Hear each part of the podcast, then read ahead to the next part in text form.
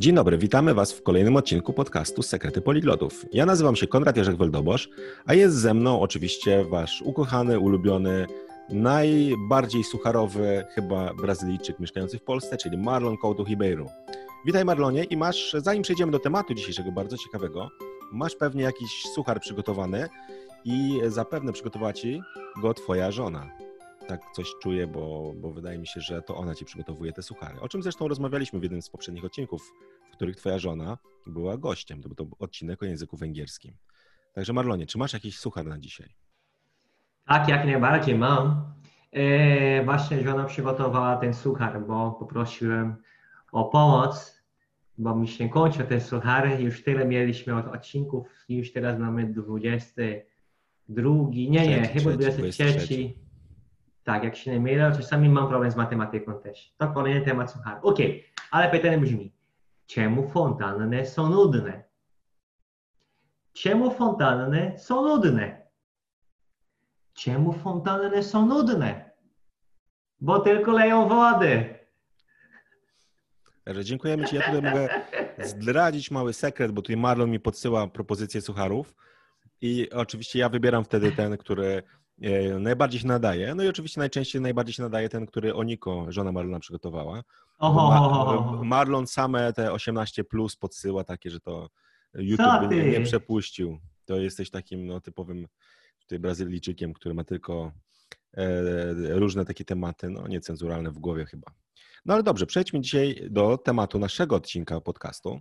I jest to jeden z tematów, który wyniknął trochę z Waszych komentarzy, więc tutaj zachęcamy już Was teraz, by komentować i pisać, o czym chcielibyście, żebyśmy porozmawiali.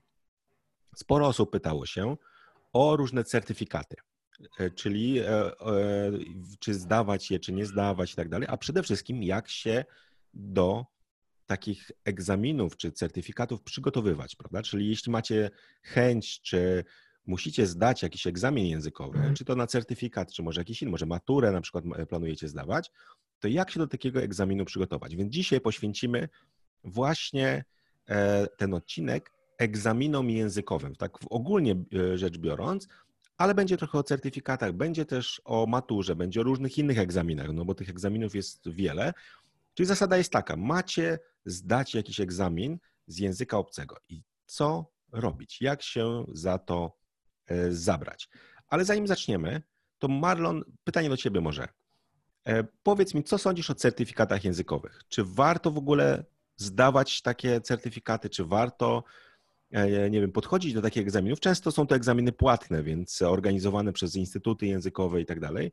Więc e, czy Twoim zdaniem warto? Czy Ty sam próbowałeś na przykład jakieś takie egzaminy zdawać?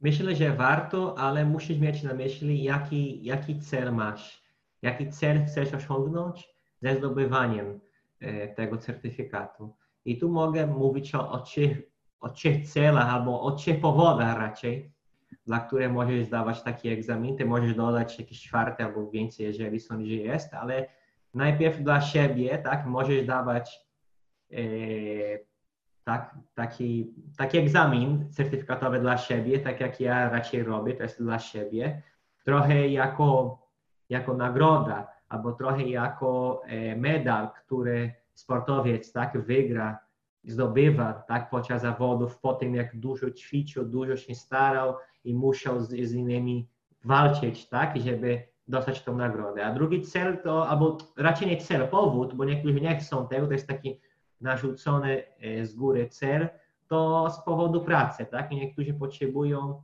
takiej certyfikacji w pracy, muszą pokazać w pracy, niekoniecznie w szkole, są firmy, w których ta znajomość językowa jest wymagana i musisz w jakiś sposób to udowodnić i często takie certyfikaty e, coś udowodniają, ale pamiętamy, że jeżeli nie masz, nie znaczy, że nie umiesz, nie znaczy, że nie dobrze umiesz.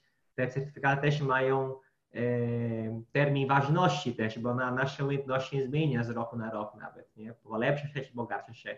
A trzeci powód to po prostu dla studiów e, w takich celach po prostu akademickich też, tak? Bo nie wiem jak to w Polsce, ale w Brazylii tak się dzieje, że jak pokazujesz taki certyfikat e, językowy, to możesz być, zostać zwolniony z niektórych podmiotów, czyli możesz szybciej kończyć ten kurs na uczelni dzięki certyfikatowi. Tutaj się siada jakieś dziwne historie, że nie zawsze uznają, co dla mnie bardzo dziwne, bo Ministerstwo Oświaty tych krajów, tak, w których się mówi w tym języku, to uznają te certyfikaty i właśnie e, różne instytucje w innych, w innych krajach i w tym firmy e, biorą to pod uwagę, tak? To poważnie traktują te certyfikaty i są dowodem czegoś, dowodem, że masz te umiejętności, że możesz się posługiwać tym, w tym języku. I mam doświadczenie z tym, ja potem więcej opowiem, ale czy byś dodał jakiś czwarty powód, dla którego warto albo ktoś musi zdawać taki egzamin certyfikatowy? Tak, ja, ja myślę, że taki jeden jeszcze powód, o którym nie wspomniałeś, on jest taki powiązany trochę, bo jest wymaganie. Jest na przykład, e, gdy mieszkasz w jakimś kraju i chcesz na mhm. przykład otrzymać stały pobyt. I tak jest w Polsce a. chociażby.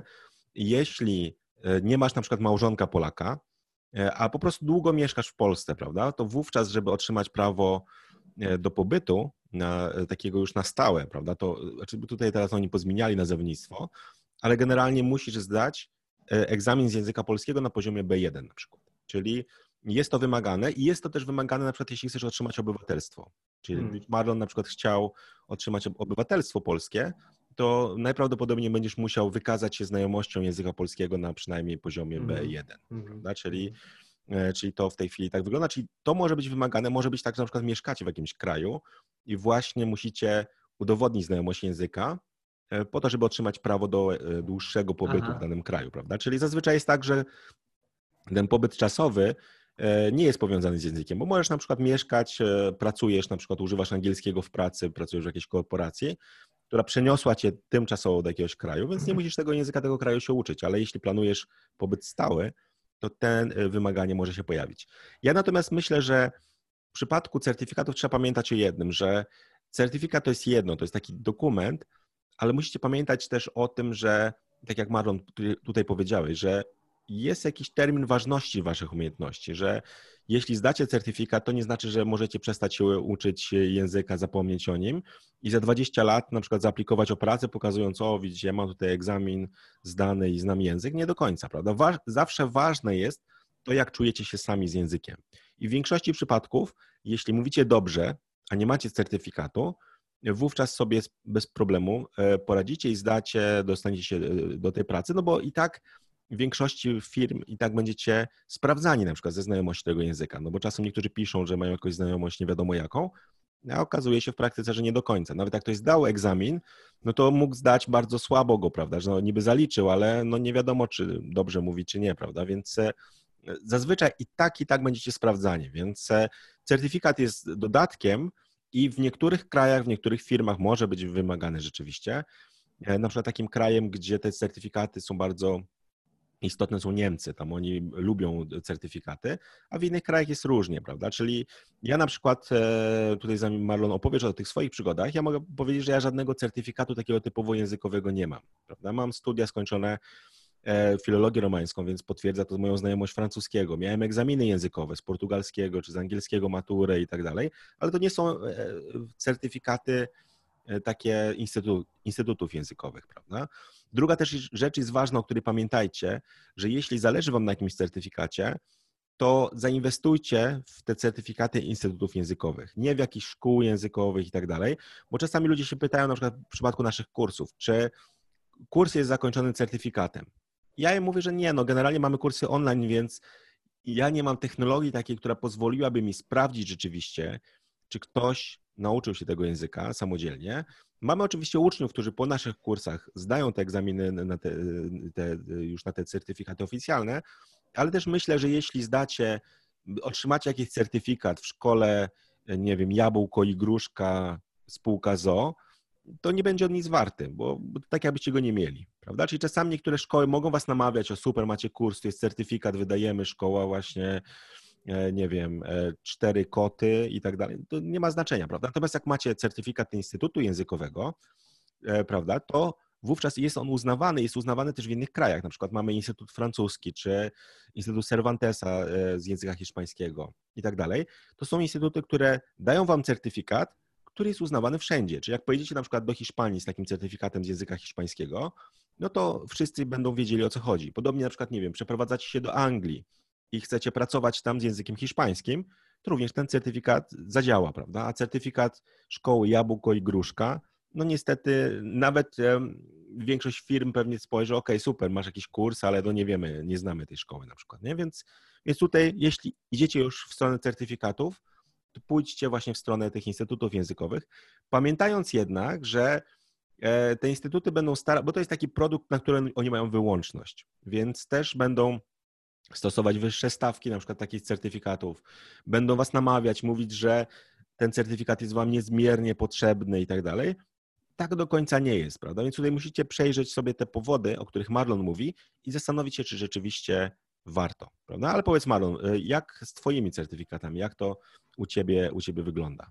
Zanim to opowiem i też zanim zaczniemy omawiać te kroki, przez które warto przejść do przygotowywania się na zdanie takiego egzaminu certyfikatowego, chcę jeszcze tutaj e, powiedzieć, że warto pamiętać o trzecim punkcie. Chyba, chyba mówisz dwie rzeczy, to taka trzecia. Trzecia i czwarta rzecz. Trzecia to jest taka, że taki egzamin ma pewną strukturę, więc tak naprawdę czasami bardzo dobrze umiesz w tym języku, a niekoniecznie to znaczy, że umiesz zdawać pomyślnie taki egzamin, bo niestety tak jak się dzieje z różnymi egzaminami, tak? To tak nie tylko ta znajomość językowa jest pomocna i potrzebna, ale taka, taka, taka znajomość techniczna, znajomość struktury tego egzaminu jest potrzebna i trzeba to wyćwiczyć przed waszym e, zdawaniem, przed, przed wystąpieniem. I mówię na podstawie doświadczenia. Mam e, trzy certyfikaty e, zaliczone, tak naprawdę cztery, ale jeden z was nie uznaje, ale powiedzmy trzy i to jest z języka Esperanto, z języka polskiego i z języka japońskiego. A jeżeli chodzi o japoński, to nie mam tylko jednego, to już kilka razy zdawałem, to chyba z pięć albo sześć. Nie każdy razem pomyślnie, ale właśnie to zauważyłem tego w praktyce, że musisz wiedzieć, ile, ile masz czasu, tak? Musisz wyćwiczyć i nieraz, ja nie chcę tutaj nikogo nie zachęcić do zdawania, ale nieraz to jest wyścig z czasem. Czasami musisz się uczyć szybko rozwiązywać te, te, te zagadnienia, czyli e, chodzi o znajomość językową, ale nie, nie tylko chodzi o to. I też te egzaminy, które mają część, mow, e, część mówioną, musisz mówić z, z kimś. Na japoński tego nie ma, na polski jest i też na w języku też jest. To też tutaj jest taka, taki, taki drugi czynnik i warto o tym pamiętać i to jest kwestia osobista. Na przykład masz przed sobą egzaminatora, to jest drugi człowiek i może ma zły dzień, albo ty może źle trafiłeś i jesteś ostatnią osobą w tym dniu, a przed sobą już miał, on już miał e, 20, e, 20 kandydatów, nie? Więc to też ma wpływ na to ceną, więc czasami możesz dobrze umieć w tym języku, ale źle trafiamy, tak? Ta osoba ma, ma zły humor, jest zmęczona i może w jedną i w drugą stronę jakby się pomylić. Może też jakby dobrze ocenić nas, kiedy nie mamy na tyle umiejętności, żeby zdobywać ten poziom, nie wiem, B1, B2, a, a CD1 po C2. Albo na drugą stronę też tak dobrze umiemy, możemy to zdawać, ale coś nie, nie pasuje tej osobie, która nas sprawdza i, i coś może być nie tak. Ja na polski wiem, że myślę, że musiał nie zdawać pomyślnie, ale zdałem pomyślnie, zdałem owłos, a jeżeli chodzi o część mowną, e, to myślę, że udało mi się dobrze, bo przypadłem do gustu e, e, egzaminatorowi. Poważnie, on, on zadawał więcej pytań niż było napisane, bo dostajesz pewną karteczkę, jest taki schemat, ale on też rozmawiał poza tym. Żeby się rozumiał, co mi chodzi, 15 minut miała trwać ta część, a u mnie prawie pół godziny to trwało. I nie dlatego, że jestem gadatliwy, bo jestem, ale ta, ten egzamin, egzaminator też jakby dużo mówi, wypytywał, bo mnie bardzo zaciekawione, więc tutaj, tutaj są te, te rzeczy, o których warto pamiętać i nie każdy uczeń pamięta o tym, tak? Czyli ten czynnik tak osobisty, czy ten egzaminator może ciebie źle albo za dobrze ocenić i to, że masz pewną strukturę w tym, w tym egzaminie, którą trzeba po prostu e, znać, tak? I to wyćwiczyć, hmm. bo czasami dobrze znasz ten język, mógłbyś zdobyć ten egzamin, ale masz tą trudność, tak, żeby się przejść żeby się przebrnąć przez ten, ten system, tak? Masz może mało czasu na pewne zagadnienie, a musisz jakby wyczuć to, jak to rozwiązać, jak najszybciej, aby mógł to zrobić w tym czasie, który jest mi dany. Tak, tak czyli, czyli to, co mówisz, że, że rzeczywiście jak podchodzimy do egzaminu, to e, należy właśnie podejść do tego, że no ten wynik nie zawsze musi odzwierciedlać rzeczywiście waszej znajomości Prawda. języka, bo jest dużo czynników zewnętrznych, jest mm. stres. Może się okazać, że na przykład spóźniacie się, bo jakiś, nie wiem, zepsuł się autobus po drodze tak. i tak dalej. No milion rzeczy się wyda, może zaśpicie na przykład, prawda, i w ostatniej chwili wbiegacie na egzamin. Jest milion rzeczy, które mogą na to wpłynąć. Natomiast myślę, że to, o czym mówimy właśnie, odnosi się też do egzaminów maturalnych, czy jakichś mm. egzaminów hmm. innych, prawda, czy na jakieś na, na, studia, czy na jakiś inny, nie wiem, w jakimś innym celu, być może jakieś firmy też egzaminują, prawda. Więc niezależnie od tego, jaki egzamin językowy znajdzie, e, zdajecie, to myślę, że znajdziecie tutaj trochę takich właśnie porad, które można bardzo szybko zastosować. I przygotowaliśmy dla Was taką listę pięciu kroków, które pomogą Wam zdać jakikolwiek właściwie egzamin językowy. Oczywiście tutaj dużo zależy od Waszej pracy, no bo nic nie ma za darmo, natomiast myślę, że dobrze jest mieć właśnie taki wzorzec działania, prawda? I e, do tego, bo czasami otrzymujemy też pytania właśnie od e, osób, które podchodzą do matury czy do certyfikatu, jak zdawać i myślę, że do tego odcinka podcastu będziemy te osoby też odsyłać. Tutaj serdecznie pozdrawiamy. Jeśli zostałeś odesłany czy odesłana przez nas w mailu czy w wiadomości jakieś, to bardzo serdecznie się pozdrawiamy i oczywiście trzymamy kciuki za wszystkie osoby, które takie egzaminy językowe będą chciały zdawać i będą chciały się przygotować zgodnie z naszymi to tutaj tym podejściem takim w pięciu etapach czy pięciu krokach y, potrzebnych do zdawania egzaminu. I może zacznijmy od pierwszego kroku, który jest niby banalnie prosty i oczywisty, ale y, wiele osób o tym zapomina. Je, czyli ta nasza rada numer jeden brzmi tak. Zacznij wcześniej i nie odkładaj przygotowania na ostatnią chwilę. Banalne, prawda? Bo wszyscy niby o tym powinniśmy pamiętać, ale nie pamiętamy. I często ludzie przychodzą, nie wiem, dwa dni przed egzaminem, słuchaj, czy możesz mi pomóc zdać ten egzamin? No to niestety jest za późno. Możesz podejść oczywiście, bo akurat zdawanie egzaminu językowego jest o tyle fajne, że może ci się udać też zdać go zupełnie bez przygotowania. Jeśli znasz dobrze język, prawda, to dasz radę, prawda? Czyli e, tutaj po prostu wykorzystujesz te umiejętności. Tak jak Marlon mówił, są pewne kruczki, tak, jakieś specjalne zadania, ale generalnie im lepiej znasz język, tym łatwiej ci będzie przejść nawet przez zadania, do których się nie przygotowałeś. Ale generalnie, jeśli masz wątpliwości, to radzę, żeby zacząć przygotowanie wcześniej. Czyli oczywiście, jak wcześniej zaczynać? Myślę, że w przypadku matury trzeba sobie przemyśleć tak przynajmniej rok przed maturą, jak będziemy dokładnie pracować i tak dalej. W przypadku egzaminów językowych, w momencie, kiedy decydujecie się zdawać egzamin, to zacznijcie się przygotowywać. Czyli nie czekajcie na ostatnią chwilę, bo dzień przed naprawdę nie jesteście w stanie zrobić już wiele. Także rada numer jeden, i to jest w przypadku egzaminów językowych. W przypadku innych e, e, egzaminów czasem można się nauczyć wszystkiego w ciągu dwóch, trzech dni. W przypadku języka niestety się nie da tego zrobić, więc zachęcamy Was do tego, żeby zacząć przygotowania jak najwcześniej. Także nie wiem, Marlon, na przykład jak ty się przygotowujesz, ile czasu tobie e, zajmuje, jak szybko zaczynasz przygotowania? E, staram się przynajmniej pół roku wcześniej zacząć. To nie jest reguła, może być trochę później, 5 miesięcy albo, albo 4, ale nie, nie mniej niż 4 miesiące przed egzaminem. Dlatego, że tak jak już wspomniałem, e, egzamin ma pewną strukturę, musimy się zapoznać z tą strukturą, po prostu ćwiczyć czasowo, tak? Musisz włączyć licznik czasu tutaj w Twoim zegarze, żeby, żeby po prostu tutaj fizycznie wyliczyć, ile czasu Ci zajmuje rozwiązanie tych zagadnień, bo zaraz przejdziesz się przez ten blok, ale trzeba koniecznie zobaczyć poprzednie egzaminy, e, żeby po prostu się zapoznać z tą strukturą egzaminu i trzeba to ćwiczyć.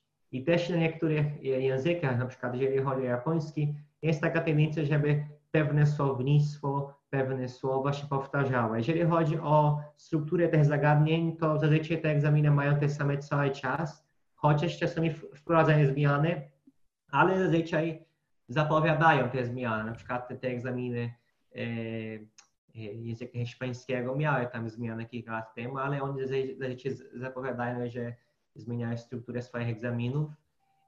Jest taki mały minus, że zazwyczaj dostępne są w internecie do ściągania, bo nawet do kupna są takie podręczniki, takie zeszyty, które mają zbiór poprzednich egzaminów. Zazwyczaj to są takie stare, więc to jest taki minus. Ciężko znaleźć na przykład, jeżeli chcę w tym roku zdawać egzamin certyfikatowy, ciężko znaleźć egzaminy z, z zeszłego roku, nie? Więc to, to jest taki, taki mały minus, ale, ale da, się, da się po prostu dobrze przygotować się, nie mając takich nowszych. Ale takie egzaminy z 30 lat to już, już przesada, nie? Mogą być bardzo nieaktualne, bo na wyższym poziomie jest, tak, jest taka tendencja, że jakieś tematy obecne się pojawiają. Ja bym nie wykluczył, że egzaminy, egzaminy w tym roku mogą mieć coś tam o zdrowiu, e, jakby w, myśl, w myśle albo w myślach tych osób, które przygotują, tak, tak czasami nieświadomie dodają to do e, tych zagadnień, tak, które musisz omówić, o których musi napisać, szczególnie jeżeli chodzi o te wyższe poziomy. Nie? Tak, akurat słucham Ciebie? Tak, a tutaj właściwie to, co chciałem powiedzieć, że uprzedziłeś trochę krok numer dwa, prawda? Czyli tak? mamy ten pierwszy, żeby zacząć wcześniej, tak. a drugi, żeby zdobyć poprzednie egzaminy. Czyli hmm. oczywiście im one są wcześniejsze, tym, tym lepiej, bo chodzi o to, żeby przerobić je i zrozumieć ich strukturę, czyli zrozumieć, co tak naprawdę musicie potrafić i z czego będziecie egzaminowani, prawda? Czyli najczęściej te egzaminy mają podobną strukturę z roku na rok, tak jak mówisz, czasami się to zmienia, ale na przykład e, tutaj można właśnie dać ten, ten przykład języka japońskiego. Mówisz, że e, ten egzamin z języka japońskiego to jest głównie egzamin, e, że czytasz tekst w języku japońskim. Czyli oni zakładają, że skoro znasz litery czy znaki japońskie, no to już znasz język japoński tak, że potrafisz w nim mówić, prawda? Jest takie założenie dosyć dziwne, ale tak jest w przypadku języka japońskiego, więc nie ma sensu na przykład podchodząc do egzaminu e, z języka japońskiego, na przykład na jakimś tam wyższym poziomie, uczyć się rzeczy, które nie będą ci potrzebne, prawda? Czyli tam można się skupić tylko na czytaniu. W przypadku innych e, języków jest już różnie. Najczęściej mamy po te cztery umiejętności językowe, ale musisz zobaczyć właśnie, jak do każdej z tych umiejętności będziesz podchodzić też na różnych etapach, prawda? Bo możesz zdawać egzamin na jakimś poziomie B1, B2 i tak dalej, więc e, różne są zagadnienia i różne wymagania do każdego z tych poziomów. I weźmy sobie przykład, nie wiem, rozumienia ze słuchu, prawda? Czyli często masz e, takie zadania, gdzie słyszysz tekst e, i musisz wyłapać pewne rzeczy, na przykład na tych pierwszych etapach, prawda? Nie musisz zrozumieć w 100%, ale na przykład jest pytanie, nie wiem, ktoś, jest jakieś ogłoszenie, E, że nie wiem, nasz sklep jest otwarty od godziny 6 do godziny tam 8 e, wieczorem. I jest pytanie, w jakich godzinach otwarty jest sklep, prawda? I to musisz wyłapać. Nie musisz wszystkiego zrozumieć, nie musisz wszystkich szczegółów znać, ale musisz wiedzieć, e, jak rozpoznać na przykład liczby, prawda? Czyli na tych liczbach, przygotowując się do tego egzaminu, musisz się skupić, ponieważ będziesz mieć właśnie tego typu E, pytania, prawda, o liczby czy o jakieś rzeczy. Czyli przejrzyj sobie, żeby zobaczyć, na czym trzeba się skupić, prawda? E, pamiętam, że na przykład z języka polskiego na poziomie B1 jest e, w mówieniu jest na przykład opis obrazka, prawda? Co widzisz na obrazku, co robią ludzie na obrazku i tak dalej. Więc łatwiej ci jest się przygotować, bo już wiesz, że musisz się skupić na przykład na tym, jak opisać obrazek. Co prawda nie jest to jakaś czynność taką, którą będziesz wykonywać codziennie, ale dobrze jest przygotować się właśnie w tym kierunku, prawda? Czyli e, tak jak mówiliśmy, że znajomość języka pomaga tobie, bo to, czego się nauczyłeś czy nauczyłaś do tej pory, to jest e, niezbędna podstawa do tego, żeby zdawać taki egzamin. Ale musisz też ukierunkować tą wiedzę i przećwiczyć sobie te rzeczy, które będą dla ciebie ważne, prawda? Czyli w czasie egzaminu, czyli na przykład będziesz, e, nie wiem, wychwytywanie poszczególnych słów, przećwiczenie sobie na przykład, jeśli widzisz, że zawsze w rozumieniu na słuch jest e, pytanie o jakieś liczby, czy są podane na przykład, nie wiem, ceny czy coś, to ćwicz sobie liczby przede wszystkim, prawda? Nie musisz ćwiczyć kolorów, ale liczby jak najbardziej, prawda? Czyli proste ćwiczenia, o, o nich jeszcze za chwilę powiemy, które można wykonywać. Natomiast ważne jest, żeby zrozumieć, co od siebie będzie wymagane, jaka jest struktura tego testu. I także zachęcam do tego, żeby nie tylko kupić te testy, ale żeby je sobie zrobić, tak jak Marlon mówił, z zegarkiem w ręku, żeby zobaczyć, czy też czasowo jesteś w stanie się wyrobić, bo czasem to może być wyzwanie. Pamiętaj, że będziesz na pewno w stresie i tak dalej, co czasem spowalnia, bo prawda, za dużo jest myśli, pytań i tak dalej, więc e, może być trudne. Więc dobrze jest się przetestować, zobaczyć też, gdzie jesteśmy, prawda? Czyli zrobić sobie taki test, sprawdzić to, co się da sprawdzić i zobaczyć, ok, rozumiem, nie wiem, 70%, prawda? Bo macie arkusz odpowiedzi i tak dalej. Czyli 70% to nie jest źle, czyli jestem już przygotowany częściowo, ale mogę pójść wyżej, prawda? Czyli zawsze, zawsze w ten sposób e, właśnie ćwiczyć. I myślę tak, że też taka warta rada, to, no to, to, to, to chodzi dalej o tym kroku, nie? Jesteśmy tutaj e, w drugim nie? Do kroku, że w zależności od Twojego stylu nauki, to możesz wybrać albo sam pracować, tak, czyli ściągasz te poprzednie egzaminy, albo jakiś podręcznik, który zawiera zestaw tych egzaminów plus jakieś tam porady, albo zapisujesz się na kurs, bo są takie kursy przygotowawcze, nie każdy jest tak samo dobry, zależy od szkoły, zależy od prowadzącego, e, więc są te opcje, tak? Nie, na każdy język to jest nie, na przykład jeżeli chodzi o japoński, to w Warszawie zakładam, że jest, bo w Warszawie jest, to jest miejsce, gdzie na, najlepiej tam, może najwięcej ludzi się uczy japońskiego, chyba są takie turmy, takie grupy, nie? Ale zazwyczaj na niektóre języki nie masz tej opcji, tak, żeby dołączyć do grupy, która przygotuje cię na dany egzamin. Na hiszpański zazwyczaj jest, na, na francuski, na angielski, ale powtórzę, to zależy od twojego stylu nauki, nie? Mhm, tak, i tu, tutaj przechodzimy w ten sposób do kroku numer trzy który jest istotny, czyli ustal taki swój system nauki, system, jak będziesz się przygotowywać.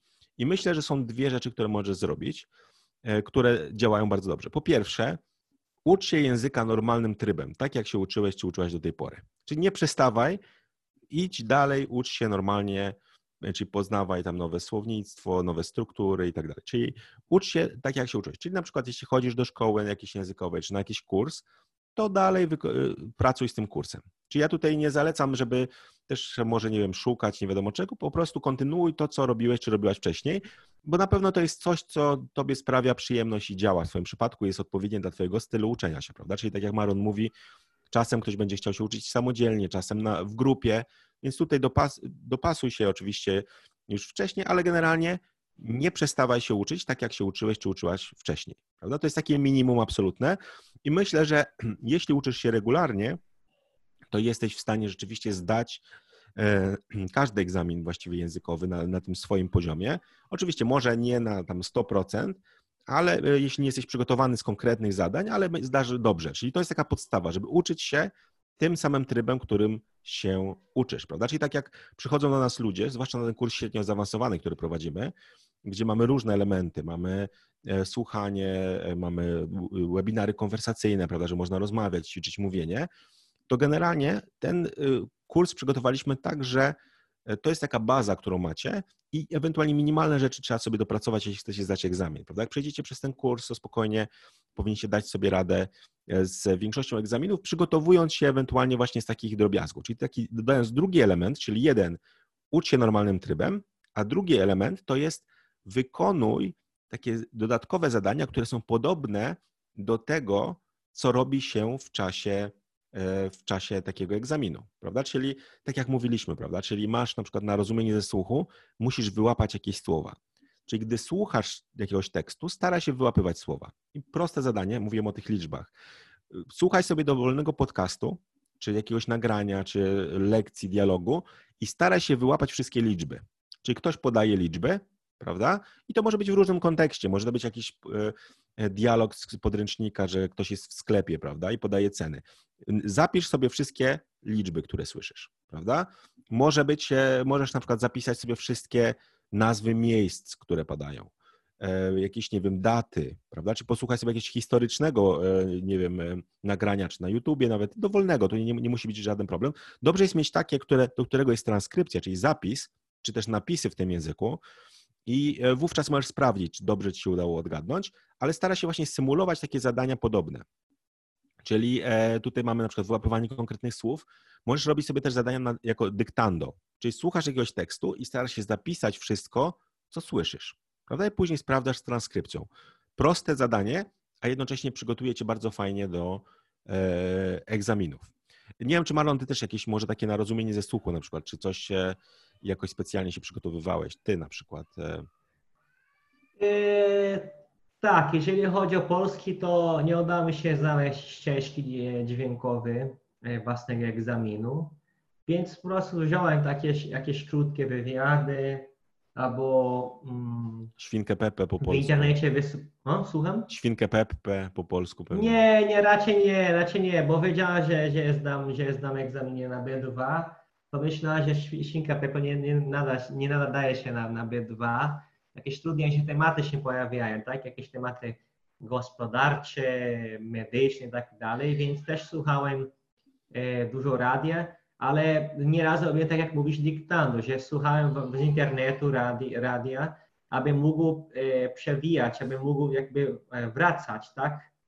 Tak mhm. wycofać właśnie tą ścieżkę, aby miał okazję po prostu pisać to, co tam mówili, nie?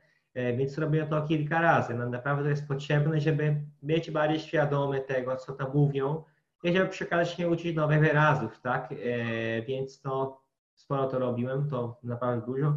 Mówiłem tak, już wam, tutaj, że, tutaj... że zbierałem te ulotki, tak? Jeżeli chodzi o polską mówię, zbierałem ulotki, e, nie pod kątem egzaminu, ale, zbierałem. Naprawdę miałem masę tych ulotek, wyrzuciłem wszystko, bo du, dużo z tego się uczyłem, tak? Tam miałem gotowe zdanie, to powtarzałem na głos. Czasem zadawałem pytanie, czemu tutaj jest e, taki przypadek, a nie taki, e, jak bym się spodziewał, tak? Nawet mam konkretny, konkretny przykład. Mówi się, Czekaj, teraz się boję, czy nie, czy nie popełnił teraz błąd. Ale mówi się w dniach roboczych, tak? Mhm. W dniach roboczych, czyli jest tutaj miejscownik. Ale z tym wyrazem, z tym wyrazem, z tym wyrazem dzień jest sytuacja, e, w której nie daje się miejscownik. To chyba będzie e, w dzień, w dzień świąteczny. Nie, nie, nie. Jak to było? E, zapomniałem, ale macie sytuację, gdzie słowo dzień nie ma. Aha, chyba chodziło mi o poniedziałki, we wtorki, tak. Pamiętam, że widziałem to i miałem pytanie, czemu tutaj jest w dniach roboczych, a potem tam mówi się w poniedziałki, a nie w poniedziałkach, nie? Mhm. Więc zacząłem zauważyć takie małe różnice e, na podstawie porównania tych ulotek. Ale jeżeli chodzi jeszcze raz o przygotowanie jeszcze, to myślę, że jak ktoś jest na wyższym poziomie na jakiś na B2 C1, nieraz się zdarzy, że ta osoba już mniej aktywny się uczy języka. Ja tutaj patrzę na ponownie na, na, na swój polski, jak tu już byłem w Polsce, to tak nie uczyłem się aż tak aktywnie polskiego po dwóch miesiącach może ten pobytu, więc musiałem wznowić tą naukę, jak się napisałem na egzaminie i przygotowałem się, czyli musiałem świadomie, intensywnie się uczyć, tak? tak bo ja się uczyłem w takim już takim bardzo spowolnionym tempie, a trzeba było to trochę jakby powiększyć ze względu na przygotowanie do egzaminu.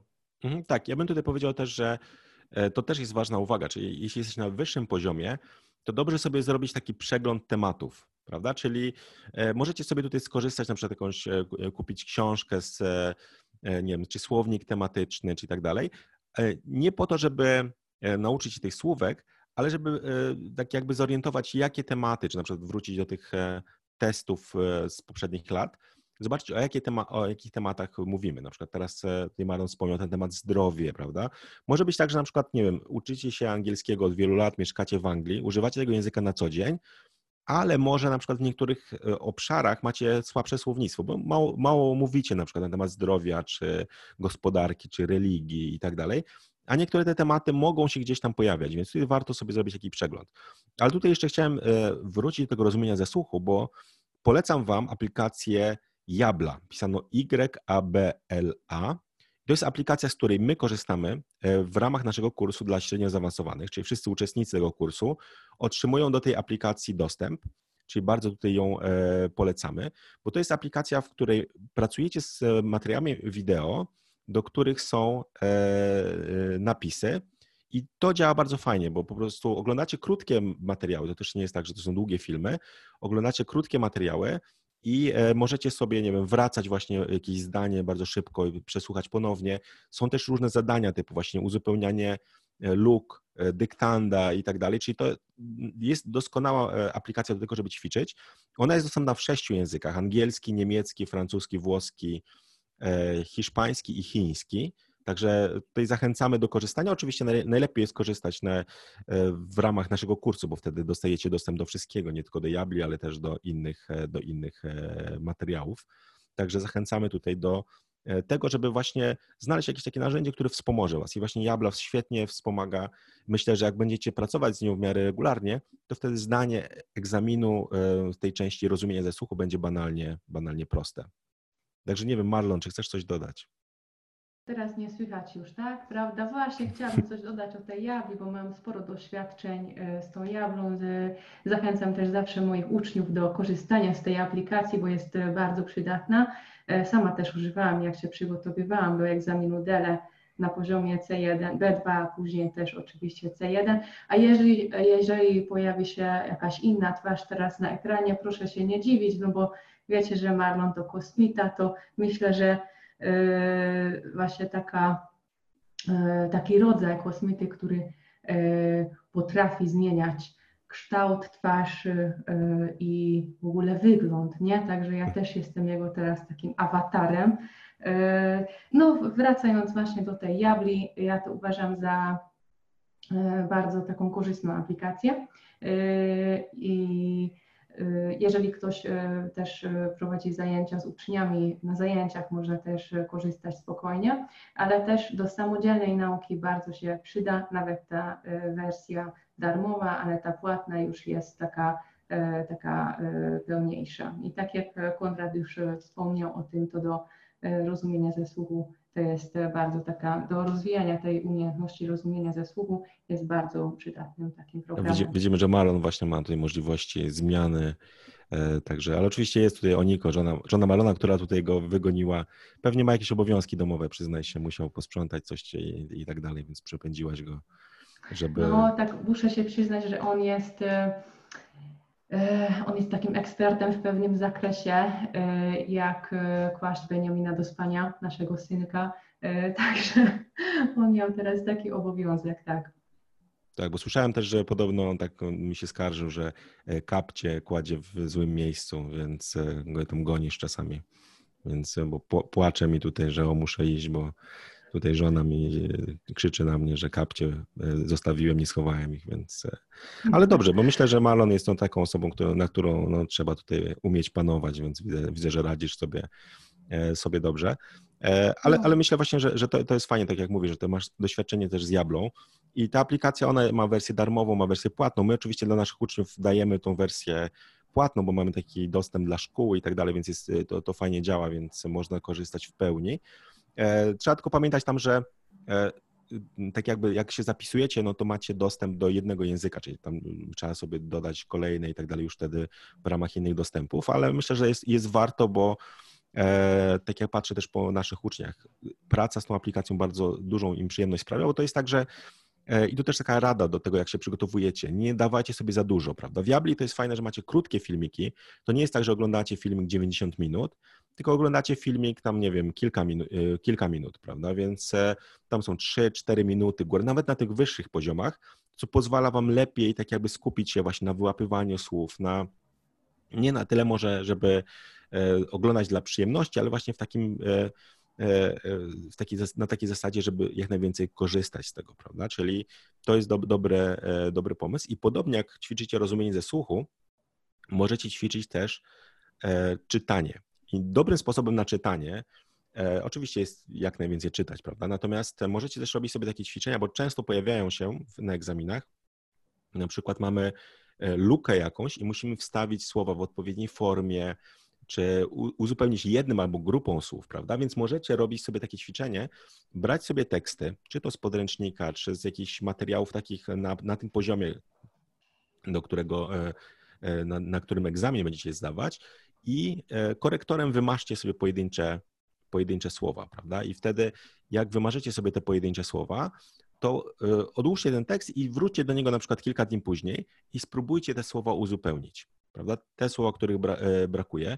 E, często jest na przykład w tych językach, gdzie są na przykład te formy czasownikowe czy rzeczownikowe, na przykład testy z języka polskiego często właśnie polegają na uzupełnianiu odpowiednich form przypadków, czy jak zdajecie z francuskiego, hiszpańskiego, macie formy czasowników, prawda, więc, e, więc też, też tutaj możecie spokojnie sobie takie ćwiczenia właśnie na uzupełnianie robić. A powiedz o Niko, bo skoro, skoro jesteś tutaj, podmieniasz Marlona, prawda, Powiedz, czy ty miałaś doświadczenie z jakimś zdawaniu właśnie certyfikatów i jak się do tego ty przygotowywałaś? E, tak, oczywiście. Od samego początku tych języków obcych ja miałam nawet takie obowiązki zdawania egzaminów, dlatego że chciałam pójść na taki kierunek na uniwersytecie. Także pierwsze, co musiałam zdać, to był, e, to było B2 z angielskiego.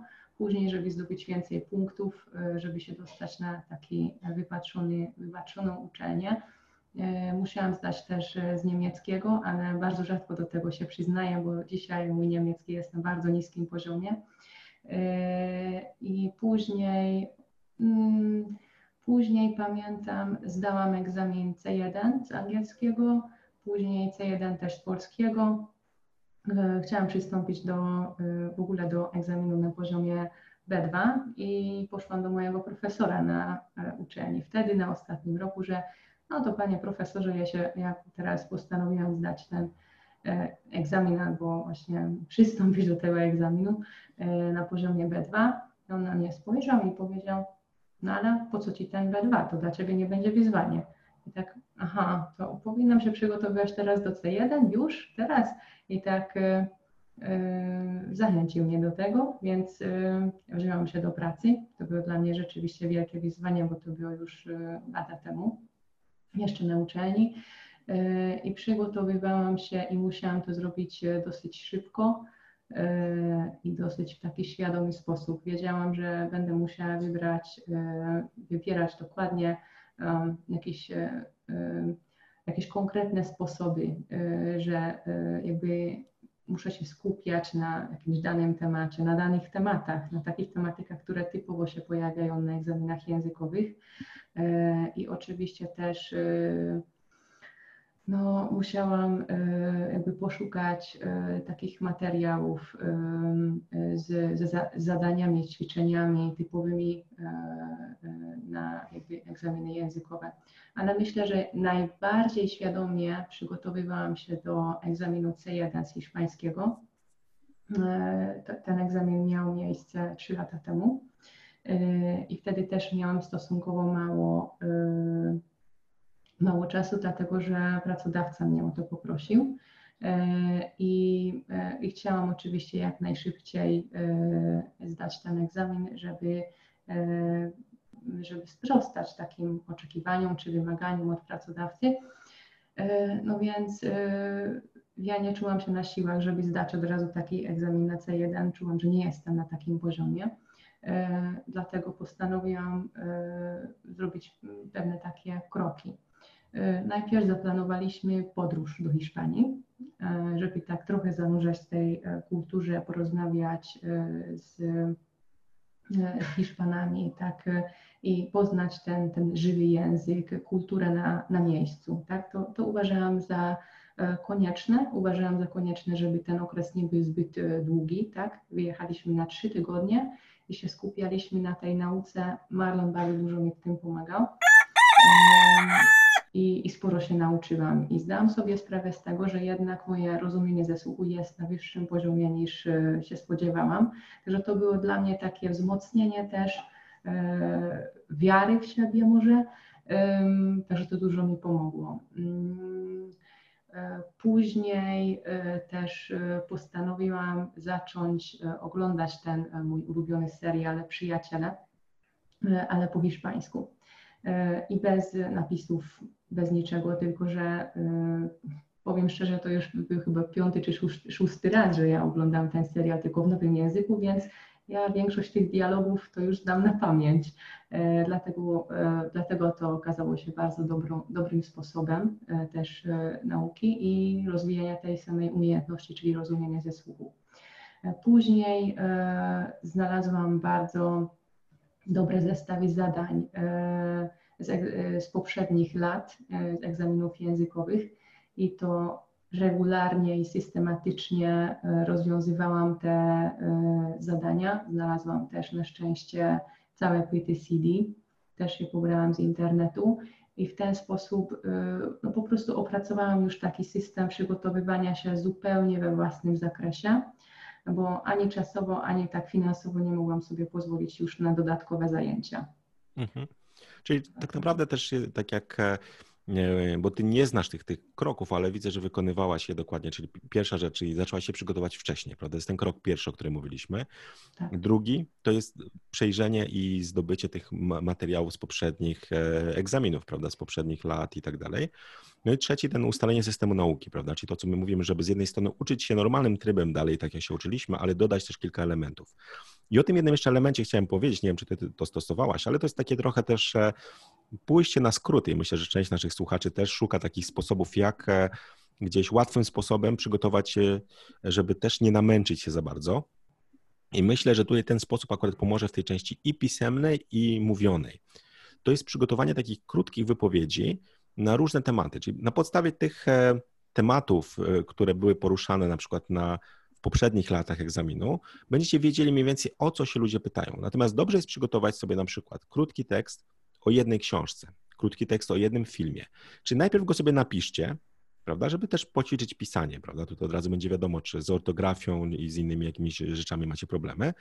E, postarajcie się ten tekst dopracować jak najbardziej. Może dajcie na przykład nauczycielowi czy jakiemuś native speakerowi do sprawdzenia, żeby on ten tekst poprawił, a następnie starajcie się go e, nauczyć mówić. I teraz zobaczcie, jak to fajnie działa. Macie przygotowany tekst o jakimś filmie i jesteście przygotowani tak naprawdę do wielu tematów. Gdy wasz e, egzaminator zapyta się, jaki jest wasz ulubiony film, oczywiście on nie potwierdzi, czy ten film, o którym się przygotowaliście, jest na pewno waszym ulubionym, ale powiedzmy, e, nie wiem, macie jakiś taki film, e, który bardzo lubicie, prawda? I przygotowaliście się z niego. Może być też pytanie, jaki film ostatnio oglądaliście, prawda? Czyli na przykład, nie wiem, masz tutaj Oniko, serial Przyjaciele, prawda? Może być na przykład serial Przyjaciele, prawda? Jaki film ostatnio oglądałaś? Możesz powiedzieć, o, filmu nie oglądam, ale oglądam serial Przyjaciele, prawda? I masz przygotowany już ten, tą wypowiedź, to jest fajny serial o, o tym i o tym, prawda? Oglądam go tam bardzo często i możesz mieć przygotowaną nawet bardzo złożoną wypowiedź, prawda? Z wieloma ciekawymi słowami, które sprawią, że będzie to brzmiało dobrze, a to jest odpowiedź taka, która pozwoli ci tak naprawdę poradzić sobie w wielu tematach. Na przykład ulubiony tam film czy serial, jaki film ostatnio oglądałem, prawda? Co mnie najbardziej zainspirowało, prawda? Bo wiesz, o, no, najbardziej zainspirował mnie serial Przyjaciele, który oglądałam ostatnio, prawda, i tak dalej. Więc można się przygotować i można, czyli, czyli staracie się wykorzystywać te tematy, które macie przygotowane do omawiania e, tych rzeczy, e, tak jakby różnych, prawda? Czyli niekoniecznie to musi być jeden temat, bo możecie mieć tak, że ulubiony serial, przygotujecie jeden serial. Co ostatnio oglądałem, przygotujecie coś innego. Nie ma sensu. Możecie przygotować jeden dobrze i wykorzystywać go w różnych sytuacjach, prawda? Podobnie, e, e, nie wiem, ulubiona książka, e, ulubiona potrawa na przykład, możecie lubić coś jeść, prawda? Czyli i to też wam pomoże, jak ktoś się zapyta, co na przykład ostatnio jadłeś, prawda? Czy może być na przykład, co ostatnio robiłeś, prawda? I powiedzmy, nie przygotowaliście sobie jakiegoś takiego, nie wiem, tematu właśnie o tym, że kogoś odwiedzaliście, ale macie temat na przykład, nie wiem, o pizzy, prawda? Że wasza ulubiona potrawa, pizza i opisujecie, jak ona jest przygotowywana i możecie opowiedzieć, byłem ze znajomymi na pizzy i widziałem, jak oni przygotowują ją, tam bla, bla, bla, prawda? Czyli macie gotowy temat, mimo że, i tutaj pamiętajcie, no nie musicie być, wszystkiego mówić zgodnie z prawdą, prawda? Musicie opowiedzieć zgodnie z tym, co chcecie przekazać, prawda? Czyli tutaj no, nikt was nie będzie sprawdzał, na przykład egzaminator, a nie, nie, wczoraj cię nie było na pizzy, bo widziałem cię gdzieś tam, prawda, chodziłeś, nie, poszedłeś do kina, prawda? Ale e, tak jak mówię, że jak macie temat na przykład, nie wiem, serial, prawda, ten e, tutaj Oniko, na przykład ten serial Przyjaciele, prawda, to może być tak, że e, będzie, będzie taka sytuacja, że co robiłeś wczoraj? No oglądałem serial, prawda, więc naprawdę jest dużo tematów, które można tak jakby jednym tylko i wyłącznie E, z, z jednym sobie poradzić, prawda? Czyli przygotujcie sobie kilka takich, które można właśnie jako takiego wytrychu trochę do otwierania różnych drzwi wykorzystać, prawda? I wtedy będzie Wam dużo łatwiej, bo e, będziecie w stanie, niezależnie od tego, jaki akurat Wam się ten temat trafi, to będziecie sobie w stanie dobrze z tym, e, z tym poradzić, prawda? I to jest to jest też taka rada, jeśli macie mało czasu na przygotowanie, prawda? Czyli jeśli ten krok pierwszy zacznie wcześniej, no niestety nie jesteście z jakiegoś powodu w stanie go wykorzystać, wówczas ten, ta podpowiedź, ten mały trik, przygotujcie takie właśnie tematy, które można podpiąć pod wiele rzeczy i nie do końca zawsze trzymajcie się e, e, tego, bo to czasami ludzi blokuje, prawda? Jak oni się zapytają, a co robić wczoraj? I wtedy, ojej, co ja w ogóle robiłem wczoraj, a co poszedłem gdzieś, nie wiem, do zoo, a zapomniałem, jak się mówi zoo i co, co ja teraz zrobię. Ludzie się stresują, prawda? To nie jest ważne. Ważne, żeby powiedzieć coś, w miarę swobodnie i możecie opowiedzieć o czym chcecie, prawda? Dobrze, jak na przykład ktoś ogląda ten serial codziennie, więc wtedy zawsze do niego może wracać, prawda? Ale, ale to jest taki mały trik, który, który tutaj zadziała.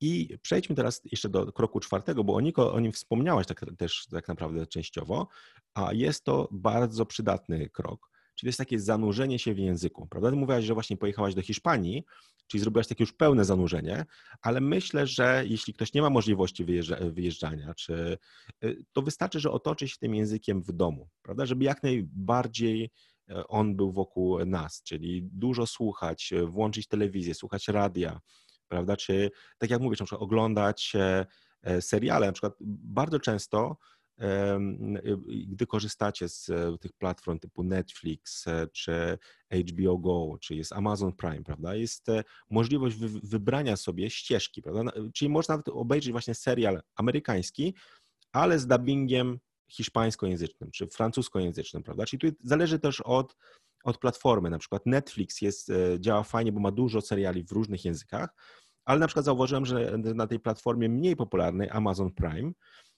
można wybrać sobie ścieżkę właściwie w dowolnym języku, prawda, który jest dostępny. I, i najczęściej kraje właśnie takie hiszpańskojęzyczne, włoskojęzyczne e, dubbingują, prawda, to Polacy dodają lektora, natomiast większość krajów e, tych południowych i tak dalej, czy jak się uczycie, nie wiem, czy francuskiego, hiszpańskiego, włoskiego, to bez problemu znajdziecie właśnie dubbing i możecie sobie w ten sposób się przygotowywać, czyli bez, żadne, bez żadnego problemu. Także polecam to jako taką metodę właśnie zanurzenia się w domu, czyli oglądać dużo, słuchać dużo, E, e, nie wiem, e, jak macie jakieś rzeczy, które robicie normalnie po polsku, róbcie je w tym języku, z którego będziecie zdawać, zdawać egzamin. Nie wiem, czy tutaj Oniko się ze mną zgodzisz, czy jak, jak, jak twoim zdaniem, czy, czy jeszcze masz jakieś inne pomysły na to, jak zanurzyć się w języku, żeby jak najlepiej wykorzystać to? Na pewno się nie zgodzę. Oj, wyglądasz dziwnie teraz jakoś, nie wiem. Marlon, jeśli ktoś chciał e, sprawdzić, e, czy jesteś kosmitą, to już wie, że jesteś w stanie ewoluować w inne postaci i tak dalej.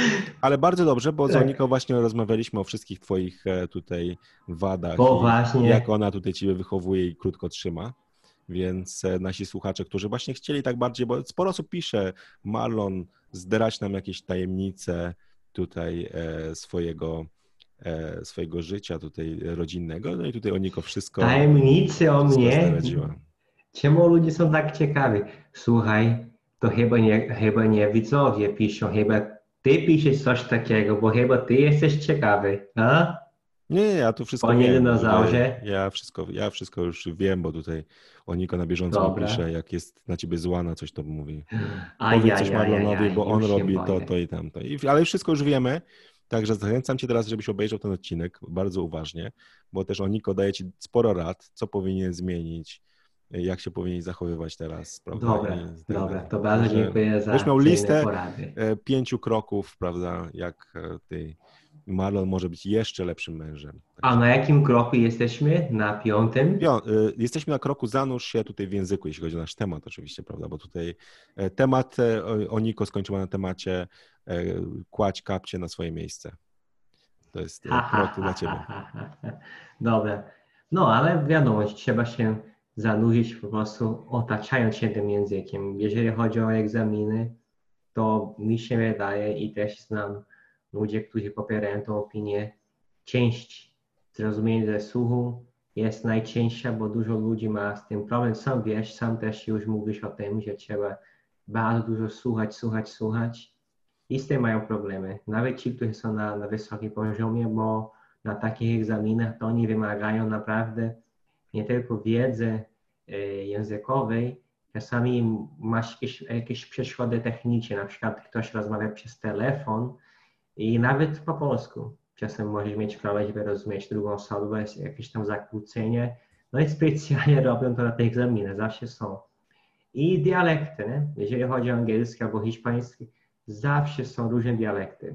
E, różne tam, nie dialekty, akcenty, o to mi chodzi, mówię źle, akcenty języka hiszpańskiego i angielskiego, do których twoje uszy nie są przyzwyczajeni i robię to specjalnie, tak? Bo w życiu, jak będziesz mówił, też to się zdarza z angielskim, masz te akcenty z, z innych krajów, bo to są osoby, którzy uczą się tego języka, dobrze umieją, ale jednak to nie, to nie jest ich ojczysty język, prawda? Prawda, więc trzeba jak najwięcej słuchać, nie? Słuchać ciennie, słuchać podczas gdy robisz coś w domu. Ja to robię też. Tak słuchać po prostu bez siedzenia do pisania tego, co e, mówią. Po prostu, żeby słuchać, słuchać, zanurzyć się, bo inaczej nie da się, tak? Tak, ja, ja myślę też, że... Ścieżek e, przygotowawczych do egzaminu, ale różne rzeczy, wiesz, programy, wywiady, reklamy, nie wiem, recepty, e, audykcje, tu suchary.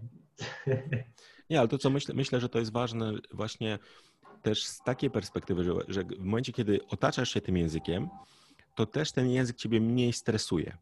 Prawda? Czyli, bo mówimy tutaj o takim typowym przygotowaniu się e, językowym, ale trzeba pamiętać też, że musicie przygotować się psychicznie, mentalnie i tak dalej. I wyobraźcie sobie sytuację, że nie, nie macie kontaktu z tym językiem przez jakiś czas i nagle macie ten kontakt na egzaminie. To mimo wszystko mózg trochę zacznie panikować. Natomiast jak tym językiem się otoczycie wcześniej, to nie musicie się otaczać nim, nie wiem, rok wcześniej, prawda? Ale dobrze przed samym egzaminem, przez jakiś e, czas, właśnie tym językiem trochę żyć, po to, żeby móc mniej stresować się po prostu w czasie tego egzaminu, bo ten język będzie dla Was już wtedy bardzo oswojony, więc nawet ta nowa sytuacja i tak dalej, to sam fakt, że Wasz mózg do tego języka się już przyzwyczai bardzo, to, to pomoże także tej, tak, tak jakby e, znaleźć się w tej nowej sytuacji zupełnie, prawda, e, nam samym, prawda? Czyli to jest jedna rzecz i myślę, że to też jest powiązane z tym krokiem numer 5, o którym chciałem powiedzieć, czyli krok numer 4 zanurz się w języku, a krok numer 5 zrelaksuj się przed egzaminem, prawda? Nie ucz się ostatniego dnia. I akurat w przypadku języków, to co mówiliśmy, że e, gdy uczycie się, nie wiem, historii, możecie się nauczyć na pamięć wszystkich dat w ciągu jednego dnia. Jest to możliwe. Natomiast E, w przypadku języka nie nauczycie się. Dzień przed egzaminem niczego się już więcej nie nauczycie, prawda? Jeśli nie pracowaliście sumiennie, regularnie przez e, wcześniej, to ten jeden dzień wam nie zrobi żadnej różnicy. Dlatego myślę, że przed samym egzaminem musicie zadbać o kilka rzeczy. Przede wszystkim wypocząć sobie, prawda? Czyli pamiętacie, że będziecie w bardzo stresującej sytuacji, więc wasz organizm będzie reagował dziwnie i trzeba zminimalizować całe ryzyko, które może się pojawić. Czyli jeśli jesteście zmęczeni, to nagle wasz mózg może przestać działać. Prawda? Ja tutaj mam, mm, ja pamiętam taką historię, jak na studiach zdawałem jeden egzamin. Ja starałem się zawsze właśnie uczyć, ale na przykład dobrze się wyspać przed samym egzaminem. Prosta rada, ale miałem na przykład kolegę, który całą noc się uczył. Prawda? Mieliśmy egzamin o godzinie 8 i on mówi, że o godzinie 7 przestał się uczyć i przyszedł bez snu na egzamin. I co się okazało, E, mimo, że naprawdę on był bardzo inteligentny, zawsze dobrze przygotowany, e, wszyscy byliśmy w stresie, bo patrzyliśmy na niego, a on przez godzinę siedział i patrzył się na kartkę. Po prostu jego mózg nie był w stanie funkcjonować, bo nie spał, prawda? I w momencie, kiedy nie śpicie, no to dzieją się różne problemy, prawda? Człowiek niewyspany, on fizycznie może działać. Co ciekawe jest, to taka ciekawostka, że jak śpicie na przykład, krótko, to regeneruje się przede wszystkim ciało. Czyli jeśli jesteście zmęczeni fizycznie, to krótki sen, nawet kilka godzin, pozwoli wam się zregenerować, ale mózg potrzebuje dłuższego snu.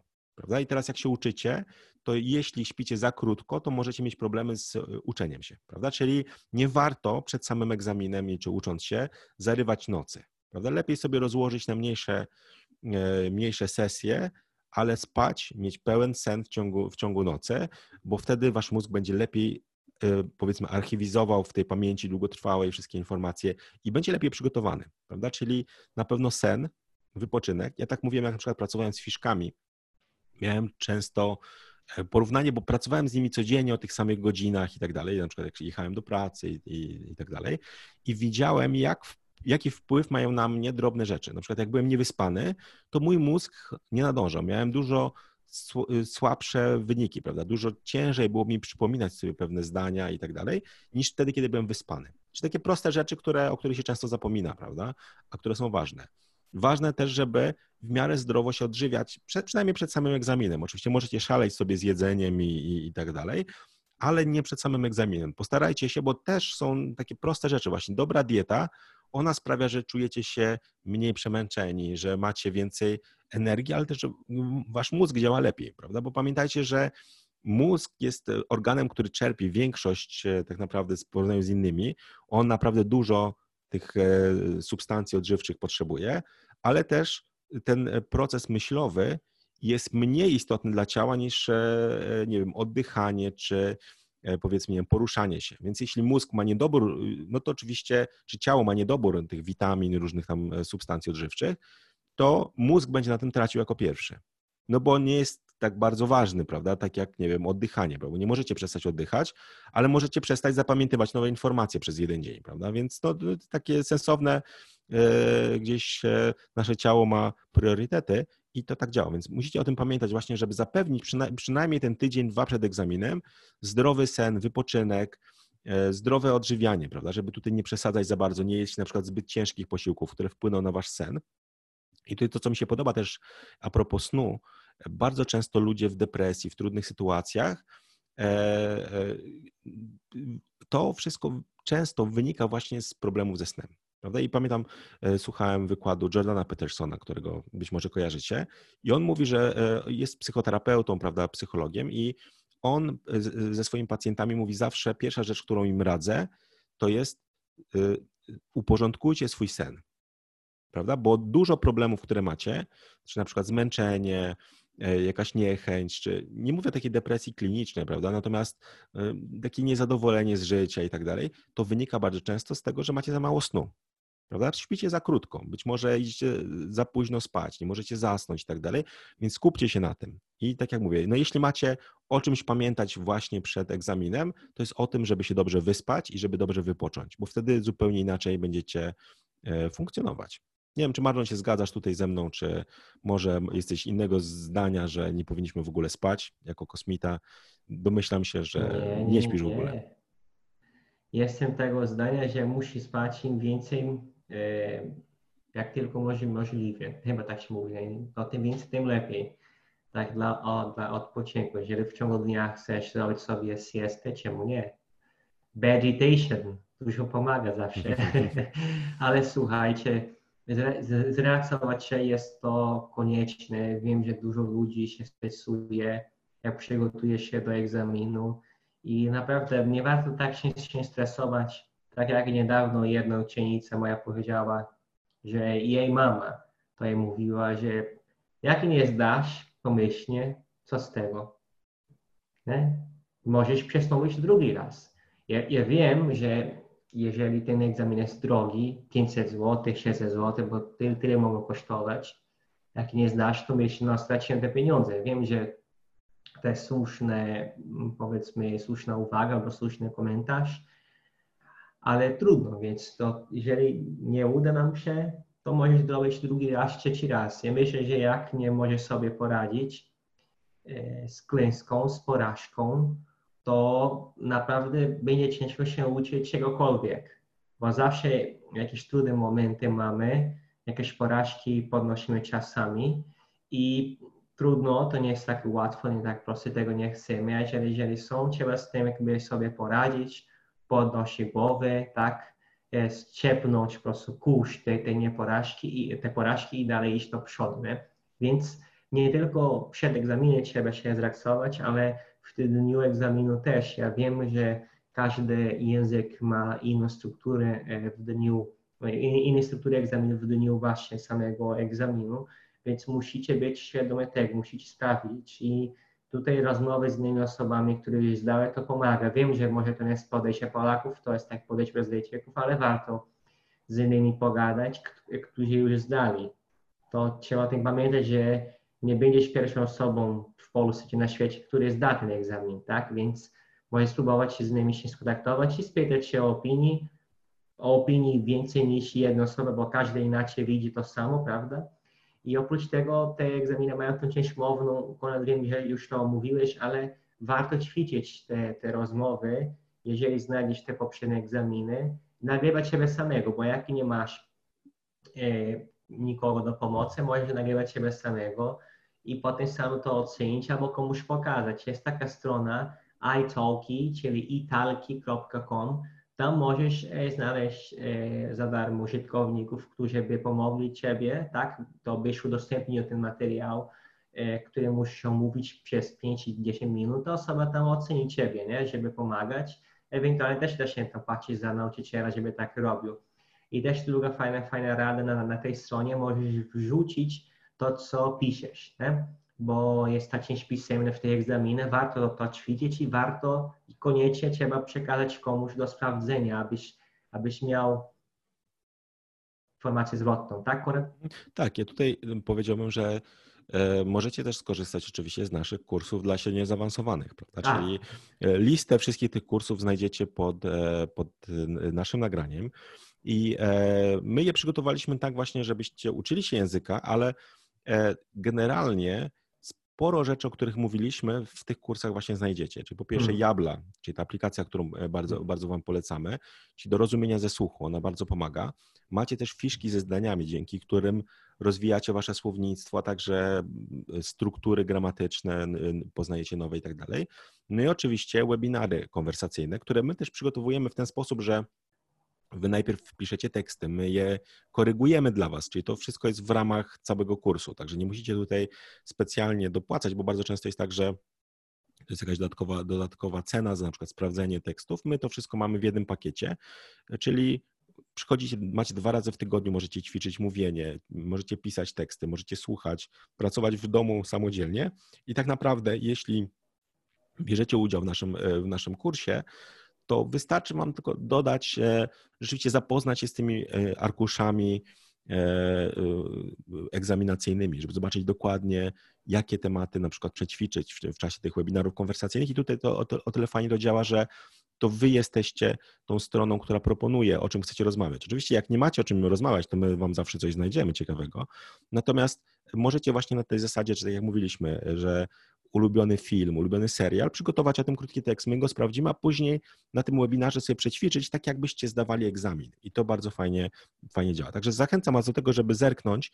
My co miesiąc mniej więcej zaczynamy e, każdy kolejny kurs, więc można zapisać się właściwie w dowolnym momencie w ciągu roku, ale zachęcamy do tego, żeby nie zapisywać się zaraz przed e, na przykład maturą czy przed certyfikatem, ale zapisać się w miarę wcześnie, żeby jak najwięcej tych modułów sobie przerobić, żeby jak najwięcej tych webinarów też e, z nich jak najbardziej skorzystać, a także żeby pracować z jablą, prawda, żebyście mogli e, ćwiczyć rozumienie ze słuchu. I oprócz tego, jak się zapisujesz na kursach dla siebie zaawansowanych, to macie w tym pakiecie taki fajny bonus. Macie mnie. Tak, ja mogę tam odpisywać na wasze komentarze, pomagać, ok? Nie jestem na tych webinarach tak często, bo nasz, nasz drugi kolega prowadzi na portugalski, to, to chyba ja. A jak nie starczy tylko moja obecność, to też macie Oniku w tym pakiecie, tak? On też może jakoś tam wspierać raz na jakiś czas, więc macie tam fajny bonus. Mo, może zrobimy w ogóle taką wersję VIP z Marlonem, prawda? Więc e, jakoś specjalnie.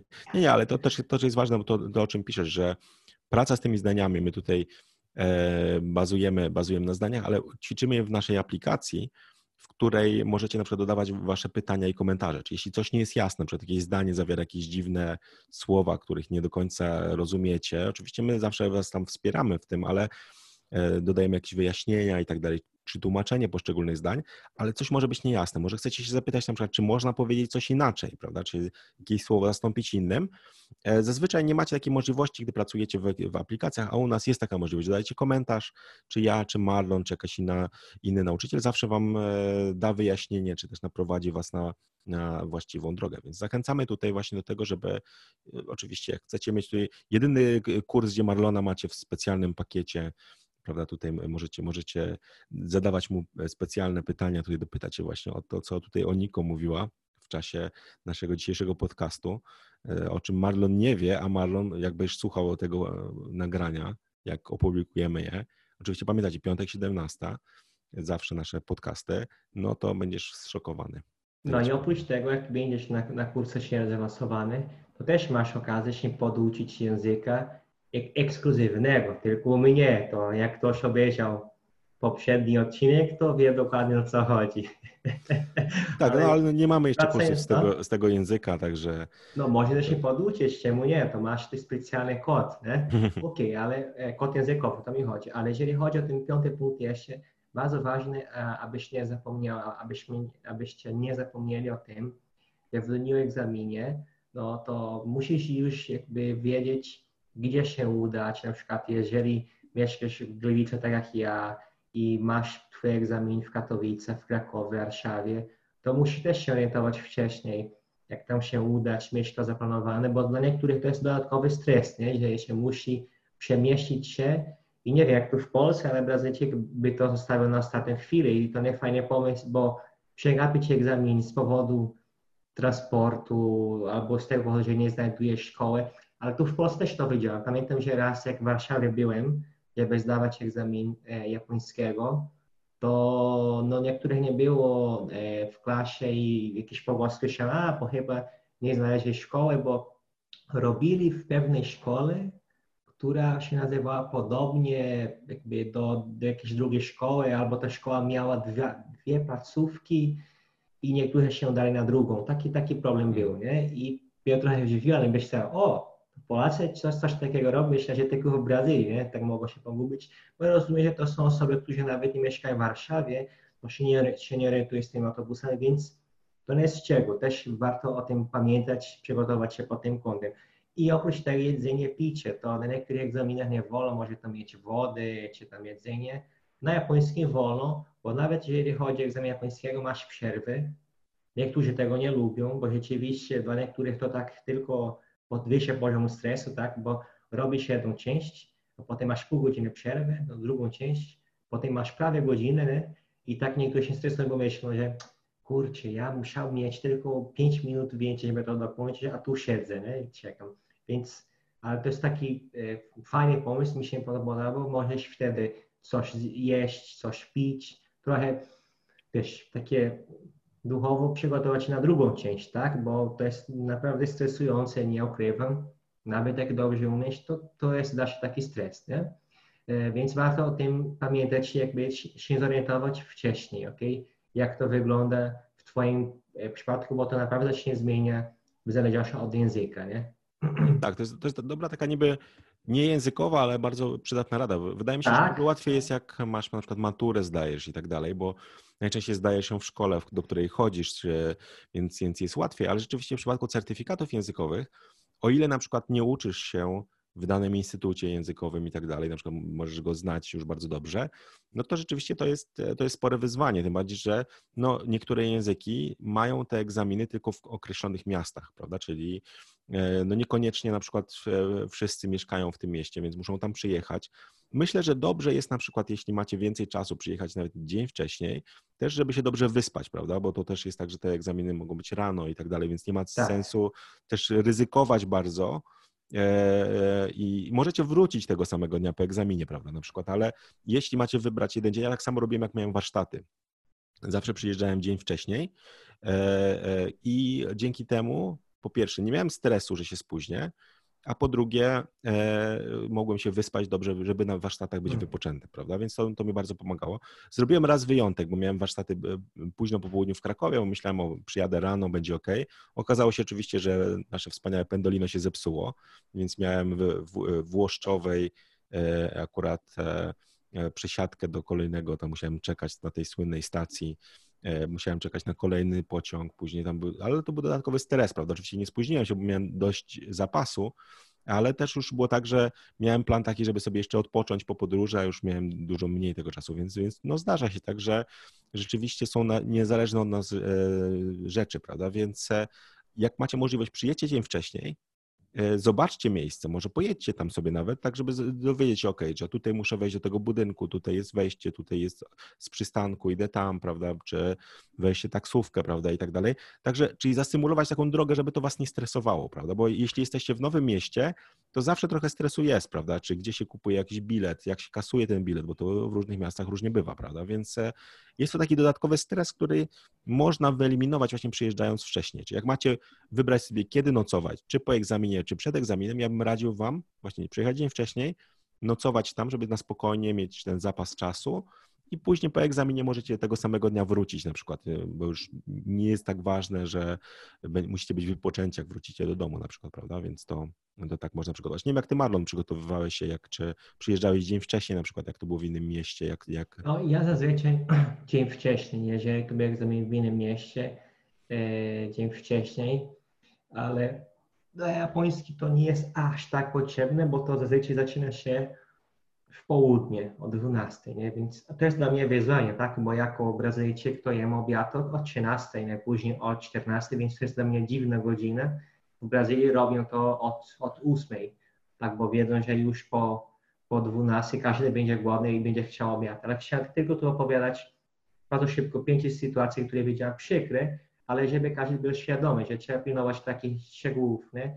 Raz tak był że wszyscy czekaliśmy, tak, bo przynajmniej na japoński to z tym mam największe doświadczenie. doświadczenie. Czekamy tam i, i zapraszają nas. Każdy już może tam iść sobie do, do odpowiedniej sali i na przykład jedna osoba nie była ta, ale nie zauważyła, z kimś tam rozmawiała przez telefon i, i nie mogli już wejść, nie? Więc taka głupia sytuacja. Więc druga sytuacja.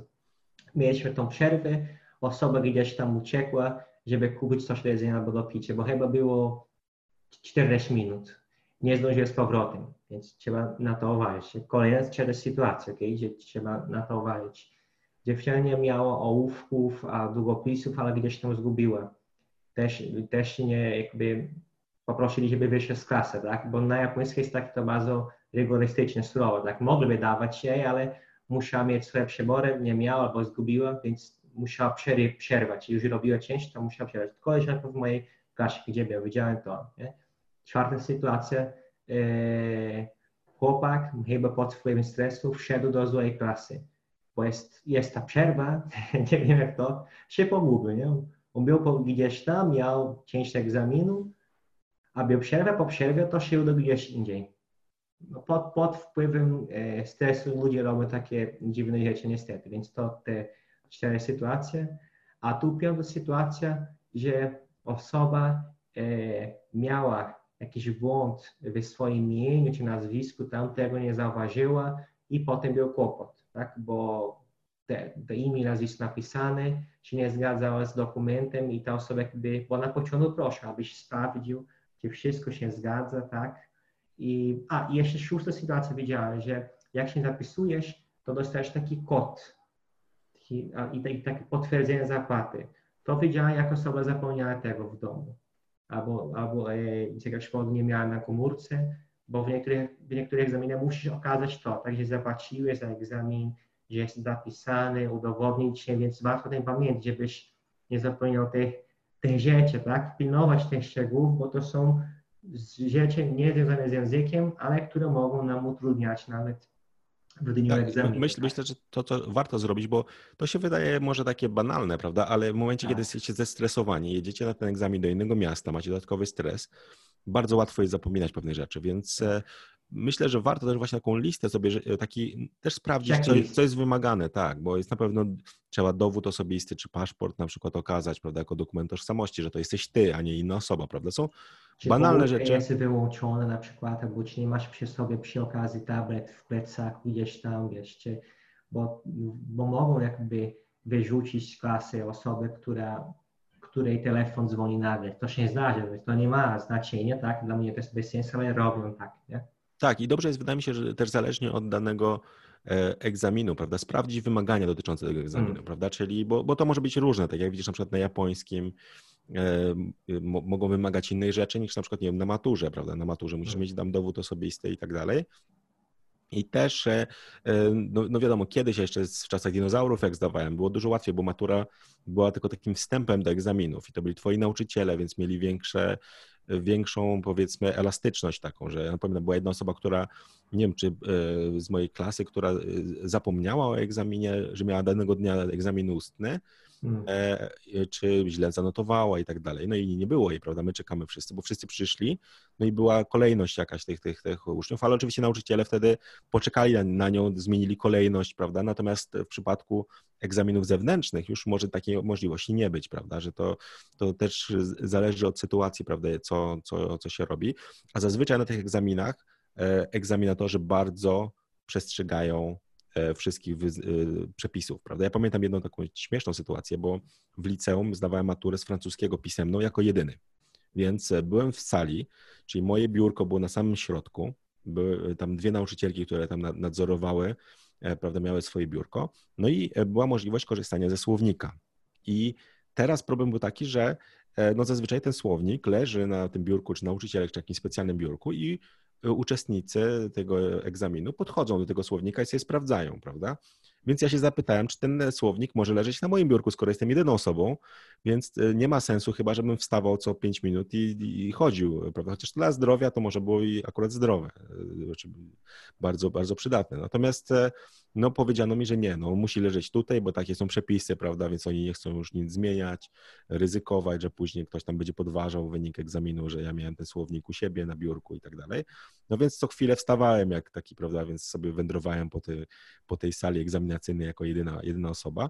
E, no i to było, było bardzo, bardzo, bardzo sympatyczne, ale też mnie kojarzyły później te nauczycielki, też te, które ze mną nie, nie pracowały, bo jakiś czas później do tej szkoły wróciłem też jako praktykant e, nauczyciel. No i ta nauczycielka właśnie wspominała, która nie była moją nauczycielką, ale ona akurat e, te praktyki mi pomogła zorganizować. Pamiętałem z tego właśnie egzaminu, że jako jedyny tam siedziałem. E, podczas gdy większość, czy angiel, z angielskiego zdawała, czy z in, wówczas, no wiadomo, było więcej osób w sali, ja byłem jedyny, więc to tak śmiesznie, e, śmiesznie, śmiesznie wyglądało, ale mimo, że prawda, były wtedy tylko te osoby ze, ze, z mojej szkoły i teoretycznie mogłyby mi pójść na rękę i powiedzieć, a weź sobie ten słownik połóż na biurku, to E, jednak starały się przestrzegać wszystkich e, e, przepisów i tak dalej. No ja pamiętam też, jak ja sam też byłem po drugiej stronie jako nauczyciel w czasie matury, w czasie ustnej, no to też starałem się w miarę iść z tymi przepisami. Pamiętam, że no też tam były, była też taka śmieszna sytuacja, bo pilnowaliśmy też pisemnych matur i jedna, jedna z uczennic powiedziała z dumą, że matura jest wspaniała, bo dzięki niej zapamiętałam na pamięć mój numer PESEL no bo trzeba ten numer tam wprowadzać, prawda, i to, a to jest numer, no, który tam jest nadawany, prawda, czyli e, e, w momencie, kiedy się urodzimy, ale tak naprawdę jak dopiero jak jesteśmy dorośli, to zaczynamy go potrzebować w dokumentach i tak dalej.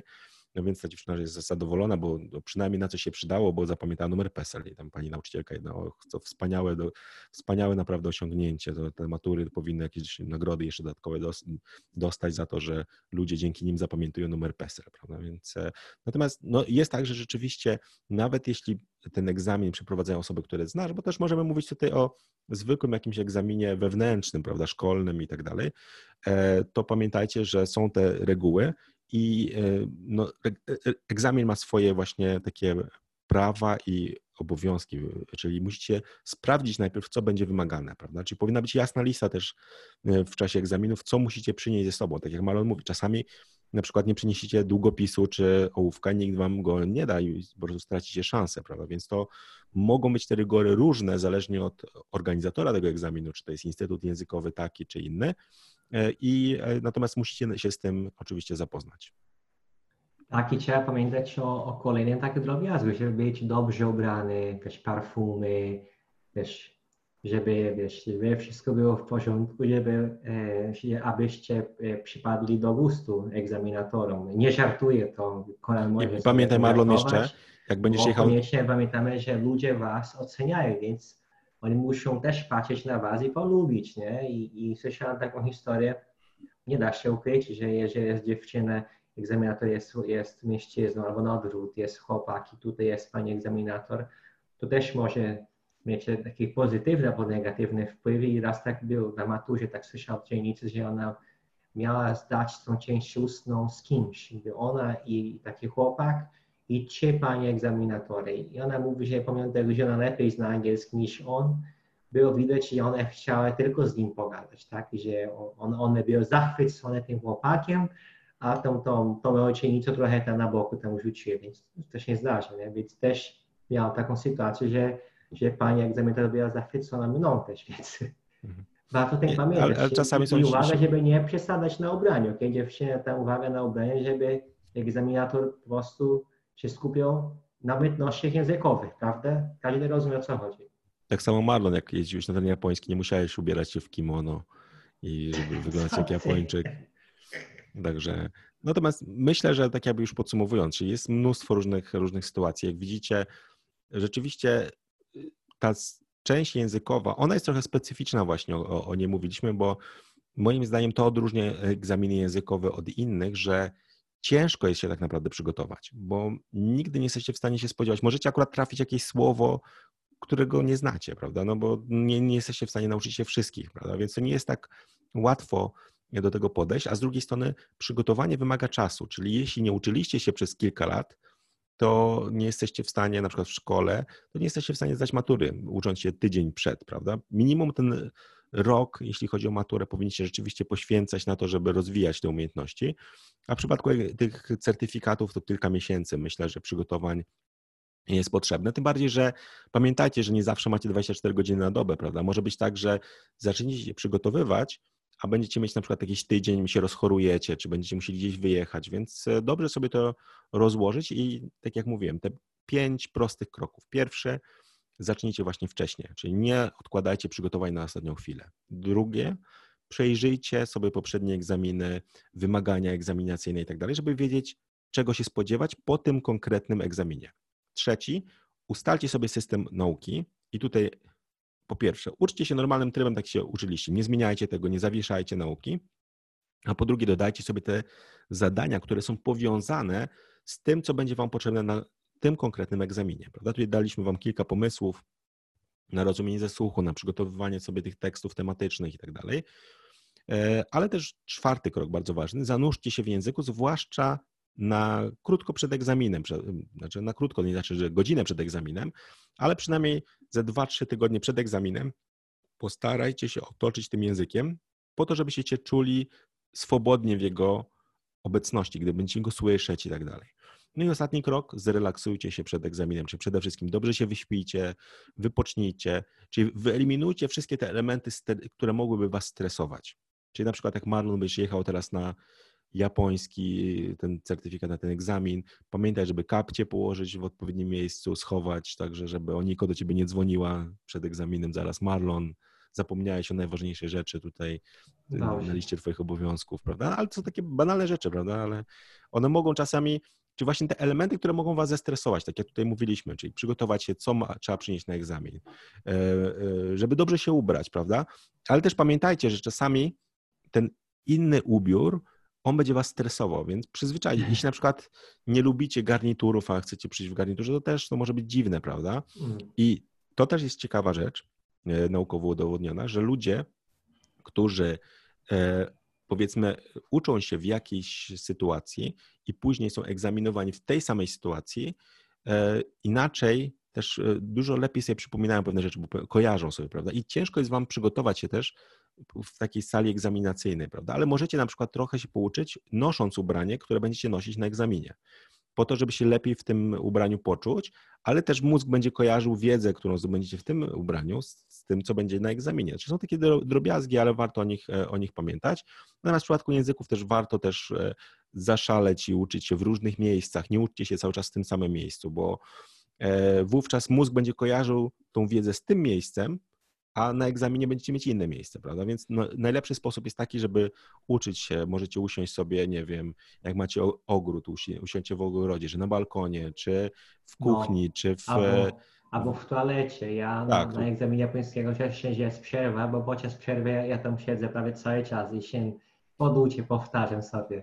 No tak, a później wszyscy się zastanawiają, co ten Marlon tam y, tyle czasu robi, prawda? Więc, ale, ale tak jak mówię, zmieniajcie miejsce, zmieniajcie pozycję ciała, możecie na przykład chodzić po pokoju i sobie coś e, powtarzać, słuchać, tak żeby nie było nudy dla waszych zmysłów, prawda? Dzięki temu dużo lepiej będziecie zapamiętać i dużo lepiej będzie wam przywołać pewne rzeczy w nowym kontekście, w nowym miejscu, w, w zupełnie nowej sytuacji dla was, prawda? Więc to, to jest taka rada, a przede wszystkim, tak jak Maron też powiedziałeś, nie stresujcie się, nawet jeśli coś się nie uda, to świat się nie zawali. Ja tutaj mogę powiedzieć Ale tylko, że...